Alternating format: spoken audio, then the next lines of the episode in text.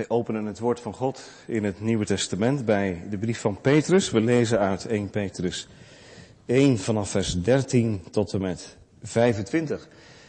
1 Petrus 1 is de schriftlezing vanaf vers 13 tot en met 25 en de tekst zal zijn vers 22 tot en met 25.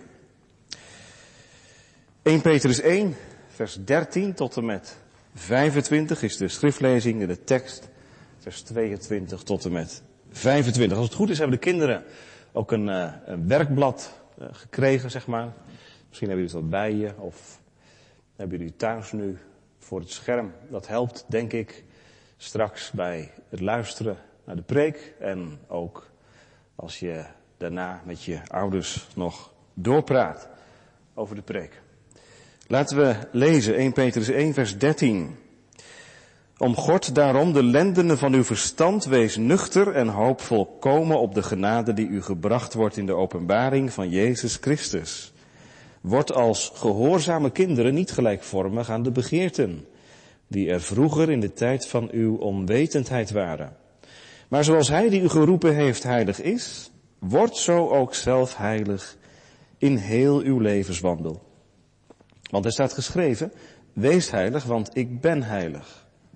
En als u hem als vader aanroept, die zonder aanzien des persoons naar ieders werk oordeelt, wandel dan in de vrezen des Heren, gedurende de tijd van uw vreemdelingschap.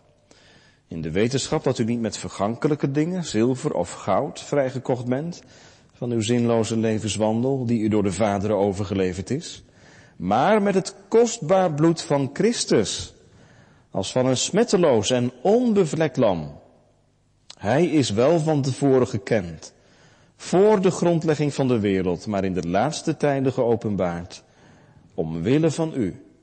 Door hem gelooft u in God, die hem opgewekt heeft uit de doden en hem heerlijkheid gegeven heeft, zodat uw geloof en hoop op God gericht zijn. Nu u dan uw zielen gereinigd hebt in de gehoorzaamheid aan de waarheid, door de geest, tot ongeveinsde broederliefde, heb elkaar dan vurig lief uit een rein hart. U die opnieuw geboren bent, niet uit vergankelijk, maar uit onvergankelijk staat, door het levende en eeuwig blijvende woord van God. Want alle vlees is als gras, en al de heerlijkheid van de mens is als een bloem in het gras. Het gras is verdord, en zijn bloem is afgevallen, maar het woord van de Heere blijft tot in eeuwigheid. En dit is het woord dat onder u verkondigd is. Tot zover de schrift en tekstlezing. We zingen straks naar de preek uit Psalm 133, het derde vers, waar liefde woont, gebied de Heer de zegen. Psalm 133, vers 3 straks naar de preek.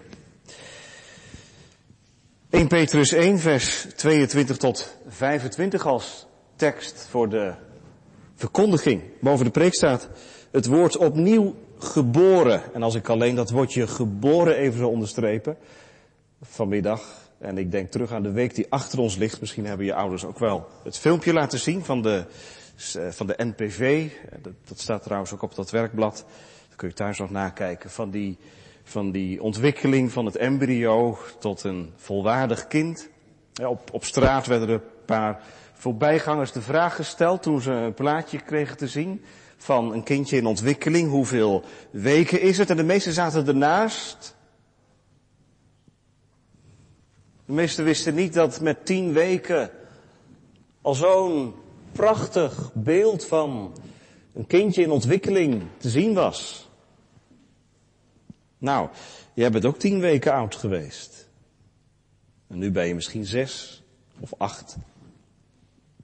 Je bent geboren. Op een zeker moment. Net als iedereen in deze wereld. Iedereen is geboren. Maar dat staat niet op het werkblad, er staat opnieuw geboren. dus dat is iets anders. En de Bijbel zegt dat ook. Wij zijn geboren maar wij moeten opnieuw geboren worden. Nou, over dat woord heeft niet alleen Jezus het, maar heeft ook Petrus het in zijn brief aan de christenen in Klein-Azië. Hij gebruikt het woord opnieuw geboren in vers 23. En daar beginnen we dan ook. We staan stil bij drie gedachten. We beginnen bij vers 23, bij het begin. Dat is de eerste gedachte. De tweede gedachte is het contrast. Dat is vers 24 en 25. En dan gaan we terug naar vers 22 en dat is dan de laatste gedachte. Het gevolg. Opnieuw geboren. Wat is nou het begin? Dat is vers 23. En dan het contrast. Vers 24 en 25. En tot slot het gevolg. Wat gebeurt er nou als je opnieuw geboren bent? Wat is dan de consequentie daarvan? Vers 22. Gemeente hier en thuis, het is tegenwoordig in om een nieuwe start te maken.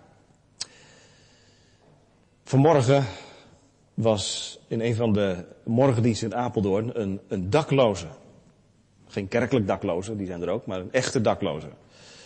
Iemand zonder vaste woon- of verblijfplaats. En ik begon de preek, hè, zoals ik hem nu ook vanmiddag hier begin, dat er mensen zijn die verlangen naar een nieuwe start.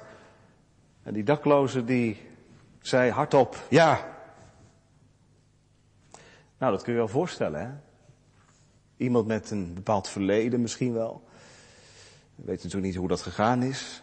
Wat zou die man graag een nieuw begin willen hebben? Misschien zit jij hier ook wel met, die, met dat verlangen. Je kijkt terug. Wat is er veel gebeurd in je leven? Je hebt afslagen genomen in je leven.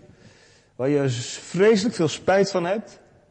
Je hebt keuzes gemaakt die je niet meer kunt uitwissen. Je zit nu nog steeds met de gevolgen van die keuze die je toen tien jaar in je onverstand geleden, tien jaar geleden in je onverstand maakte. Kon ik daar opnieuw beginnen? Maar dat kan niet.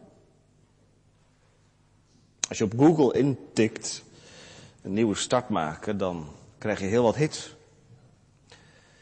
En allerlei cursussen, boeken, coaches, die kunnen je helpen om een nieuw begin te maken. Een nieuw hoofdstuk in het boek van je leven.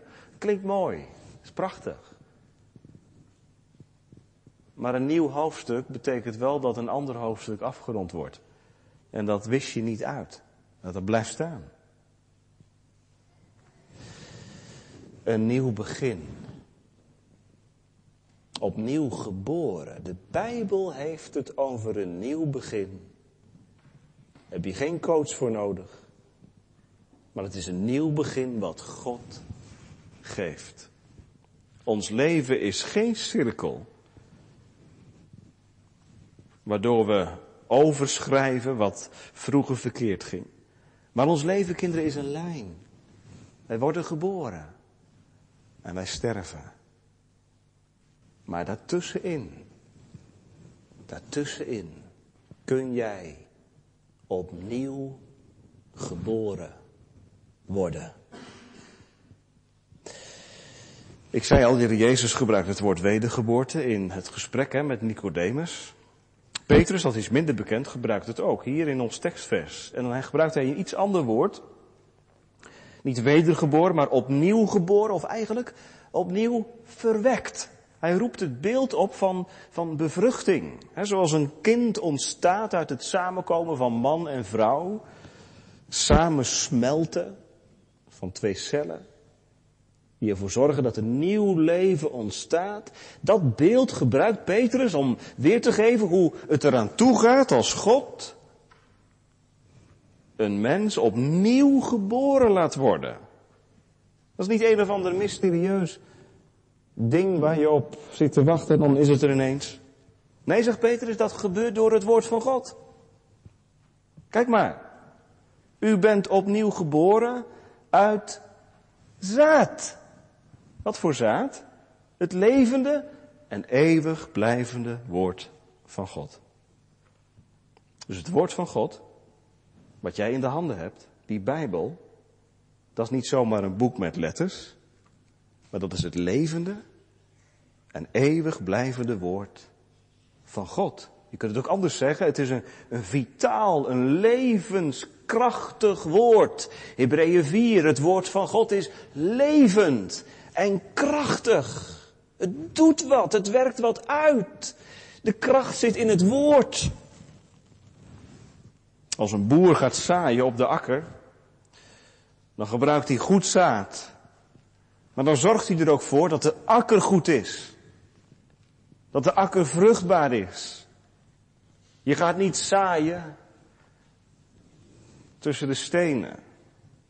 Je zaait in de akker. Nou, het zaad van het woord wordt ook uitgezaaid, uitgestrooid. Op zondag. Maar als je als ouders het woord van God deelt, hè, dat kleine gesprekje wat je hebt voordat je, naar bed ga, voordat je kinderen naar bed gaan.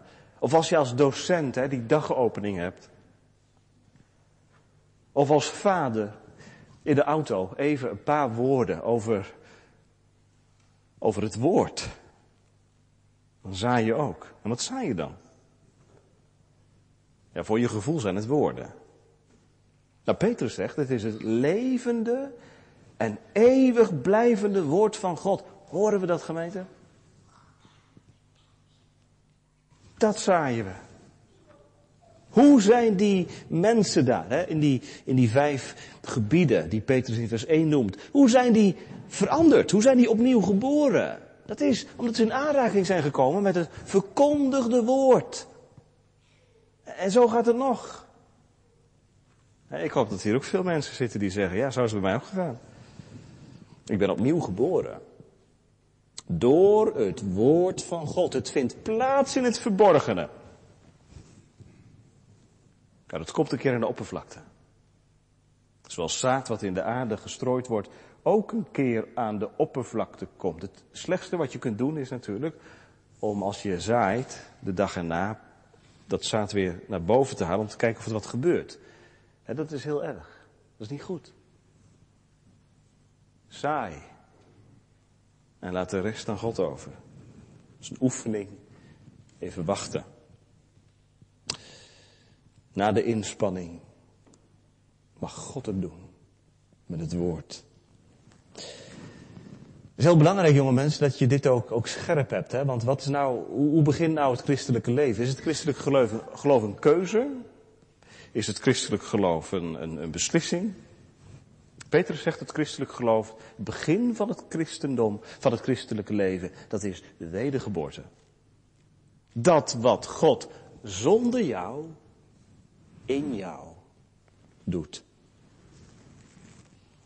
Zoals God aan het begin van de geschiedenis de schepping maakte door het woord van God.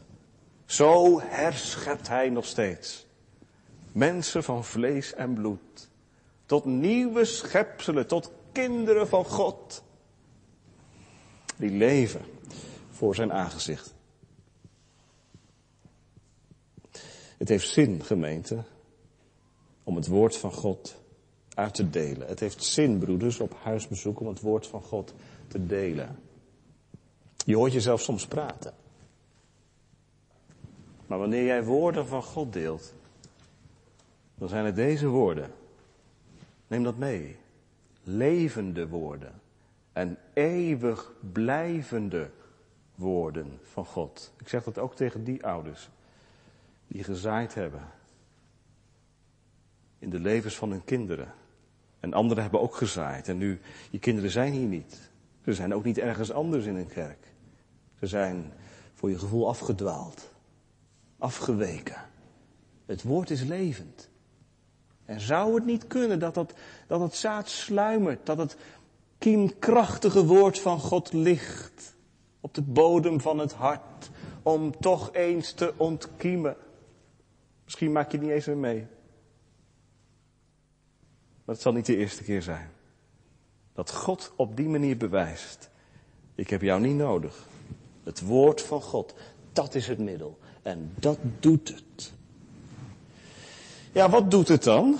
Nou, Petrus zegt, opnieuw geboren. Hoe spreekt hij die christenen aan? Hier in, in, in uh, de brief.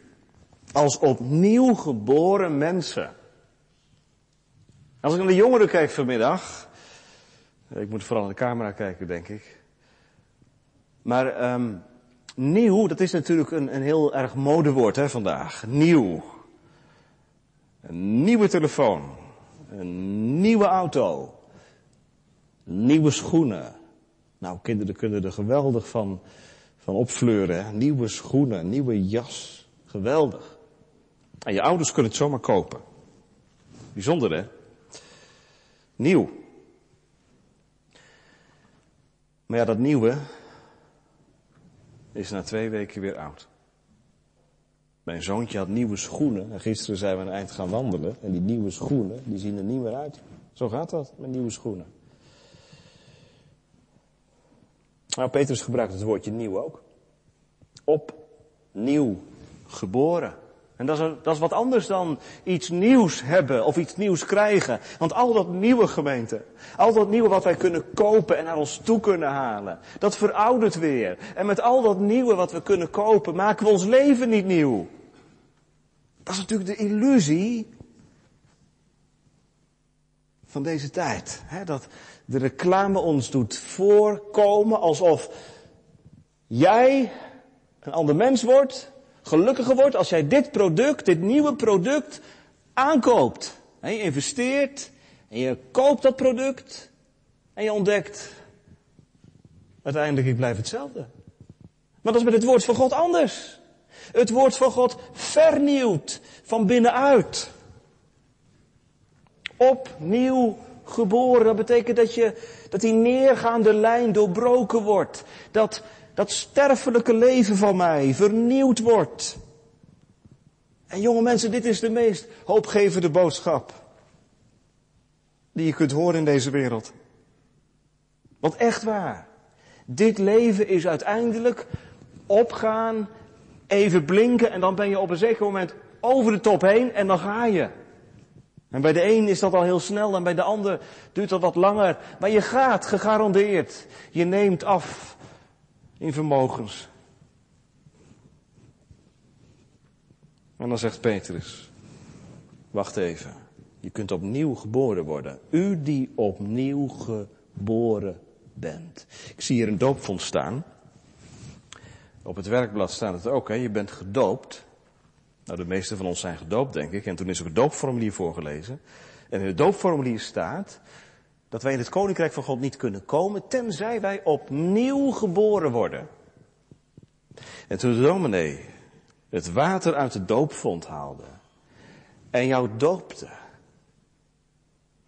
toen liet de Heere God als het ware in een tekening zien wat hij doet. De doop is het bad van de wedergeboorte.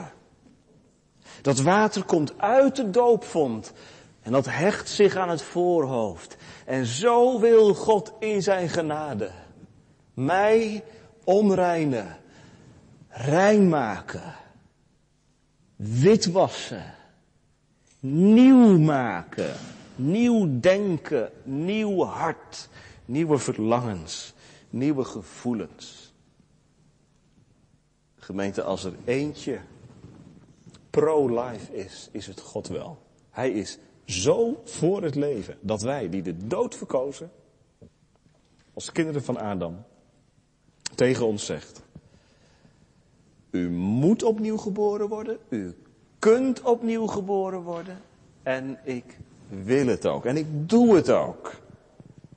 En zo is daar in Klein-Azië in die tijd, 2000 jaar geleden, een gemeente ontstaan van mensen opnieuw geboren. Die neergaande lijn doorbroken, uit de duisternis gekomen. Joden, heidenen. Niet met veel tamtam en manifestaties, maar omdat er eenvoudigweg het woord van God verkondigd werd. En dat raakte. Dat, dat confronteerde. En dat zorgde voor vernieuwing, verandering. Nou heeft Petrus het in dit gedeelte het niet alleen over het levende woord, maar in vers 24 en 25 gebruikt hij een contrast. En waarom gebruikt hij dat contrast? Misschien had u dat gevoel ook wel. Ik had het altijd. Die laatste woorden, denk ja, ze staan er eigenlijk een beetje los bij. wat is nou het verband tussen vers 24 en vers 23? Nou, wat is nou het verband? Peter zet een contrast in en een contrast gebruik je om iets naar de voorgrond te halen. zo doet een juwelier dat. Als die edelstenen in zijn uh, vitrine uh, op wil laten lichten, dan gebruikt hij contrastkleuren, hele donkere kleuren. Zo doet Petrus het ook. Petrus heeft het over het levende en eeuwig blijvende woord van God. En dan, want alle vlees is als gras. Wat betekent dat? Gemeente kinderen, alle vlees. Dat is niet een stukje vlees wat je vanmiddag at, maar dat is de bijbelse opvatting. Zo zijn wij. Wij zijn vlees volgens de Bijbel. Dat betekent beperkt, sterfelijk. Zondig ook. Als de Bijbel het woordje vlees gebruikt, is dat nooit een compliment. Alle vlees is als gras. Ik weet niet of hier mensen zitten met een, een grasveldje in de tuin. Wat doe je met een grasveld? Daar loop je zo overheen, toch? Die grasprietjes, wat stellen ze voor? In de zomer verdorren ze. Gras. Alle vlees is als gras. Of je nou Joe Biden bent, of Elon Musk, of je bent maar een gewone jongen uit Capelle aan de IJssel. Alle vlees is als gras. Somber hoor, dominee. Ja? Of is het gewoon een eerlijke, ontnuchterende waarneming? Een eerlijke analyse van wie wij uiteindelijk op de keper beschouwd, als al die franje eraf gaat, zijn. Alle vlees is als gras. En dan zet Petrus er nog iets bij. En al zijn heerlijkheid, al de heerlijkheid van de mens, is als een bloem in het gras. En dat grasveld met al die groene grasprietjes, soms groeien er wat bloemen op dat grasveld. En die bloemen die steken er net bovenuit. En die vallen ook veel meer op hè, dan die gewone grasprietjes. Door hun kleuren. Nou, zo is het in de samenleving ook. Zo is het in de wereld ook. Er zijn mensen in deze wereld die opvallen. Ze hebben het gemaakt. Ze hebben iets verworven. Ze hebben iets ontdekt. Ze hebben iets uitgevonden. Is dat verkeerd dan? Nee. Ik las vorige week nog, daar raakte ik zelf heel erg onder de indruk van. Van die, misschien eh, hebt u die naam al gehoord, hè, van Heino Valken. Heino Valken, dat is een heel intelligent iemand die dat zwarte gat heeft ontdekt. er is pas een boek uitgekomen waarin hij die ontdekking ook deelt met het publiek. Hij is christen en hij stelt zijn gaven in dienst van de wetenschap en hij onderscheidt zich van zoveel. Het schitteren dat je die gaven kunt inzetten. Misschien zijn ze hier ook wel. Mensen met organisatietalent. Of, of misschien ben je wel heel sociaal aangelegd. Of hou je van de omgang met kinderen? Of ben je creatief of artistiek? Het is prachtig als, als God die gaven gebruikt. Als jij ze mag inzetten, waardoor je je onderscheidt van anderen. Dat betekent het woordje heerlijkheid. Dat is wat jou anders maakt, uniek maakt ten opzichte van de rest. En iedereen heeft iets wat hem onderscheidt van de rest. Maar zelfs dat onderscheidende, zegt Petrus, al de heerlijkheid is als een bloem in het gras. Dat, die bloem mag dan iets meer zijn dan het gras, maar zowel het gras als de bloem. Ze gaan voorbij. Want het gras verdort. En de bloem valt af. Ons leven. Of je nou wereldwijde invloed had. Of maar gewoon in je nieuwbouwwijkje je leven hebt gesleten. Het gaat voorbij. En over honderd jaar heeft niemand het meer over je. Ons leven is nog minder dan een voetnoot in de geschiedenis. Petrus, waarom zeg jij dit? Waarom schrijf je dit? Waarom deze hoopvolle brief met deze woorden opvullen. Waarom dit contrast?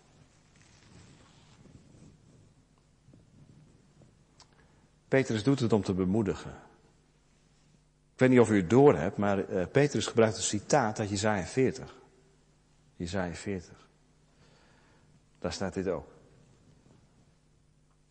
En als uh, auteurs uit het Nieuwe Testament een citaat gebruiken, dan klinkt de context altijd mee. En als je Jezaja 40 in de context leest, dan ontdek je dat Jezaja profeteert te midden van een tijd van machthebbers. Van mensen die het maken, hè, die de wereldgeschiedenis als het ware naar hun hand zetten. Met heel veel imponerend geweld. En die mensen waren er ook in de tijd van Petrus. Keizers, koningen, machtigen. En ze zijn er ook nu.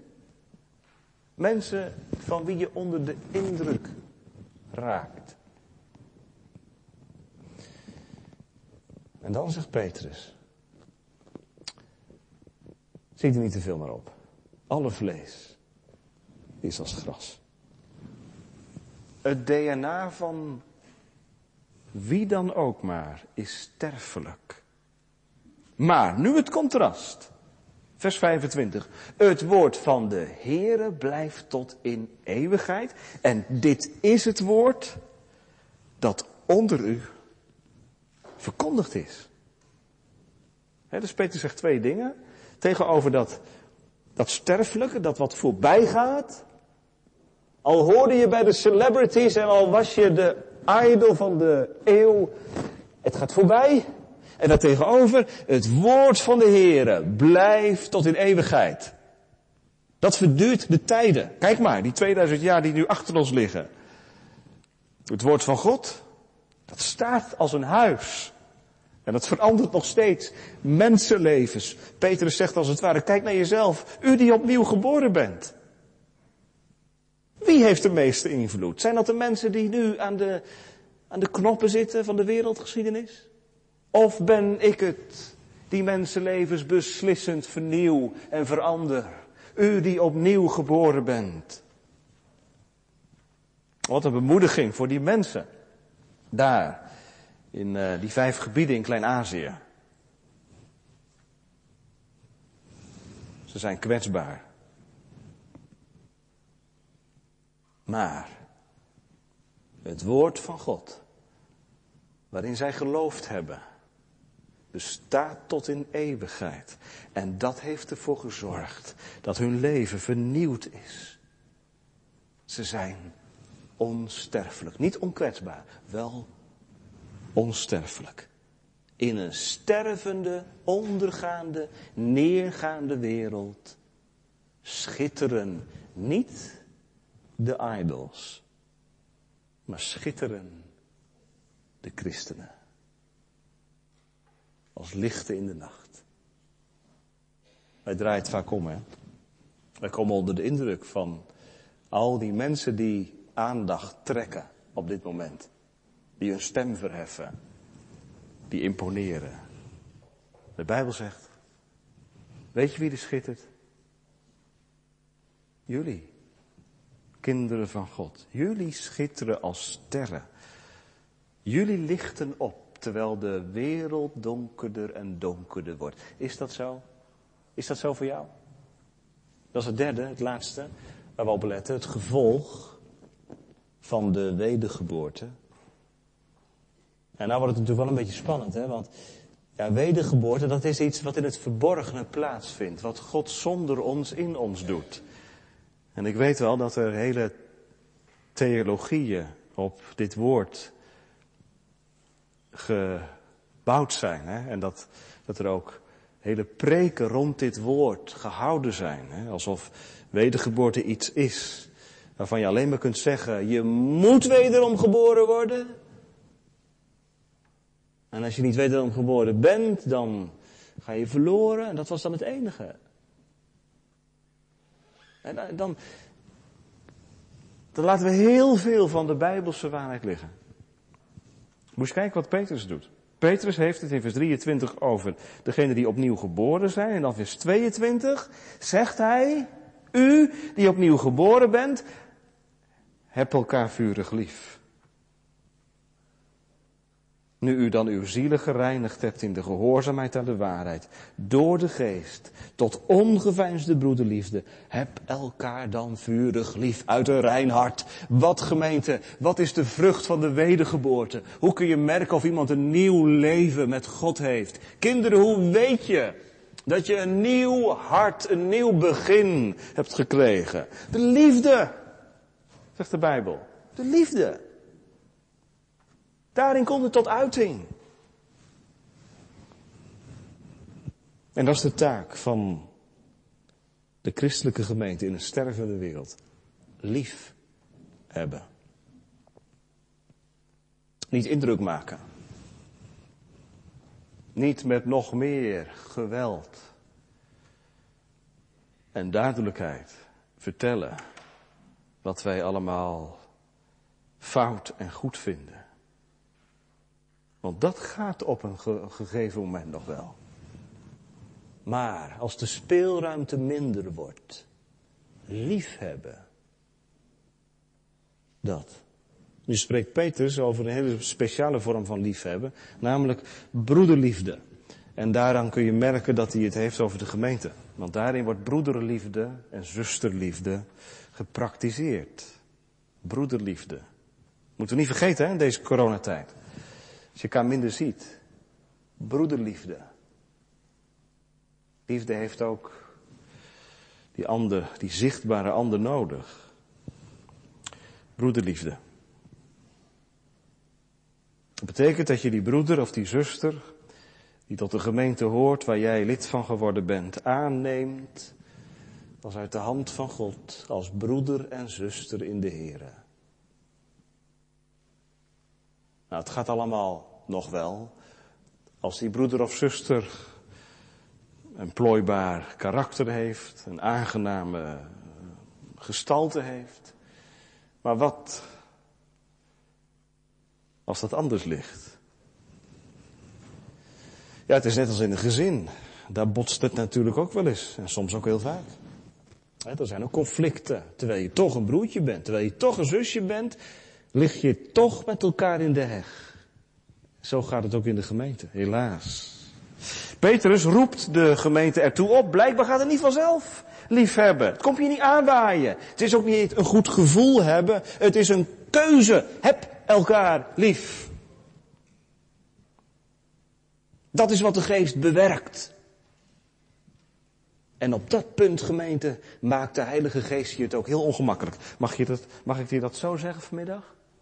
De Heilige Geest maakt het je op dit punt, op dit punt heel ongemakkelijk. Want je wilt Jezus volgen, hè? Ja toch? Je wilt zijn naam beleiden, hè? Je wilt hem lief hebben, toch? Nou, zegt de Bijbel, heb elkaar dan lief. Daaraan merk je het. Daaraan weet de wereld dat u uit God geboren bent, zo gij liefde hebt tot elkaar.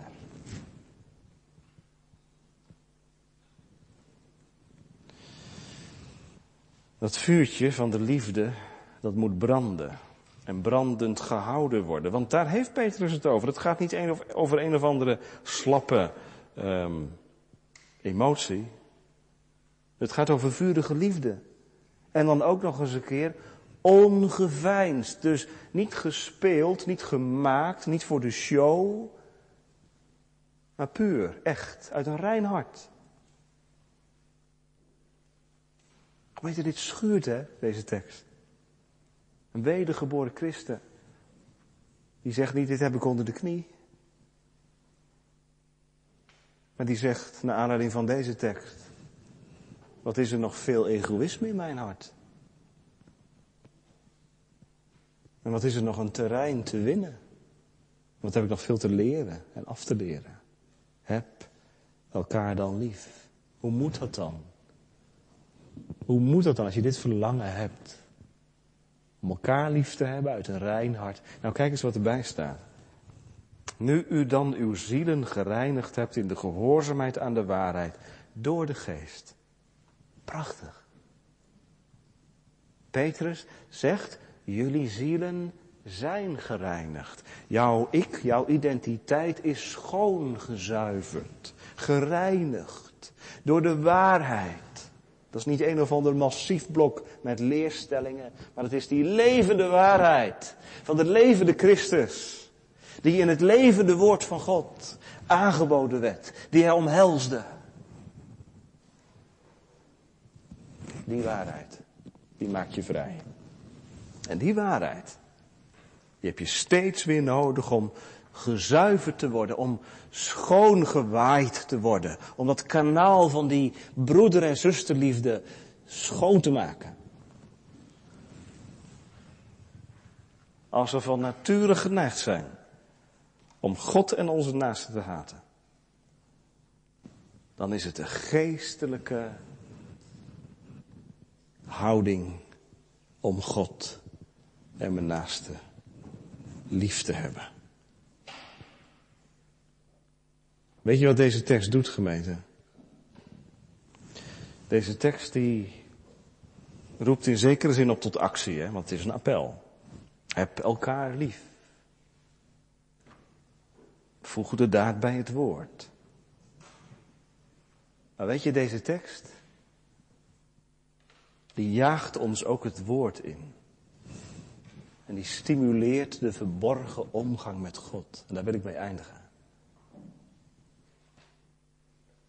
Want als dat nou de vrucht is van, van de preek, is dat winst. Ik kom erop omdat Petrus zegt, nu u dan uw zielen gereinigd hebt in de gehoorzaamheid aan de waarheid door de geest. Hoe kun je nou gehoorzaam zijn aan de waarheid? Hoe kan de Heilige Geest je nou gebruiken? Om de ander uitnemende te achten dan jezelf. Om lief te hebben. Om zoals de Heer Jezus. Met ogen van liefde. Naar zijn discipelen te zien. Die onderling soms discussieerden. Wie van hen de meeste zou zijn. Hoe kan dat? Dat kan alleen als je het woord bemediteert. In die stille tijd. Die omgang, en die heb je toch? De omgang met God. Dat woord laat bezinken.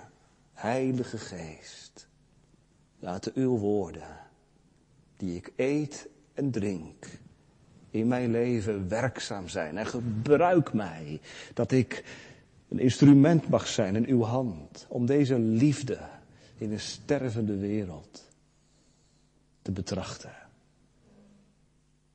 Want waar liefde woont, daar gebiedt de Heere zijn zegen. Gemeente, de christelijke gemeente is geen gemeente van mensen die gearriveerd zijn. Mensen die het weten. Mensen die alles overzien.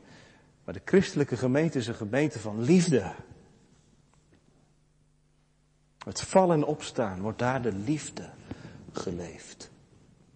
Zoals de Heer Jezus het ons voordeed. Zodat als er iemand van buiten binnenkomt, hij proeft waar liefde woont, gebiedt de Heere zijn zegen. Gemeente zo gemeente zijn in deze tijd. Dat is waar de wereld behoefte aan heeft. Als de liefde verkilt, dat zegt Heer Jezus, als de liefde verkilt in de wereld, wat zijn dan de gemeenschappen van liefde? Dat is daar waar broeders en zusters samen wonen. En God groot maken. Begin er maar mee in je gezin. Doe je kinderen maar voor. In het spreken over gemeenteleden. In het omgaan met anderen.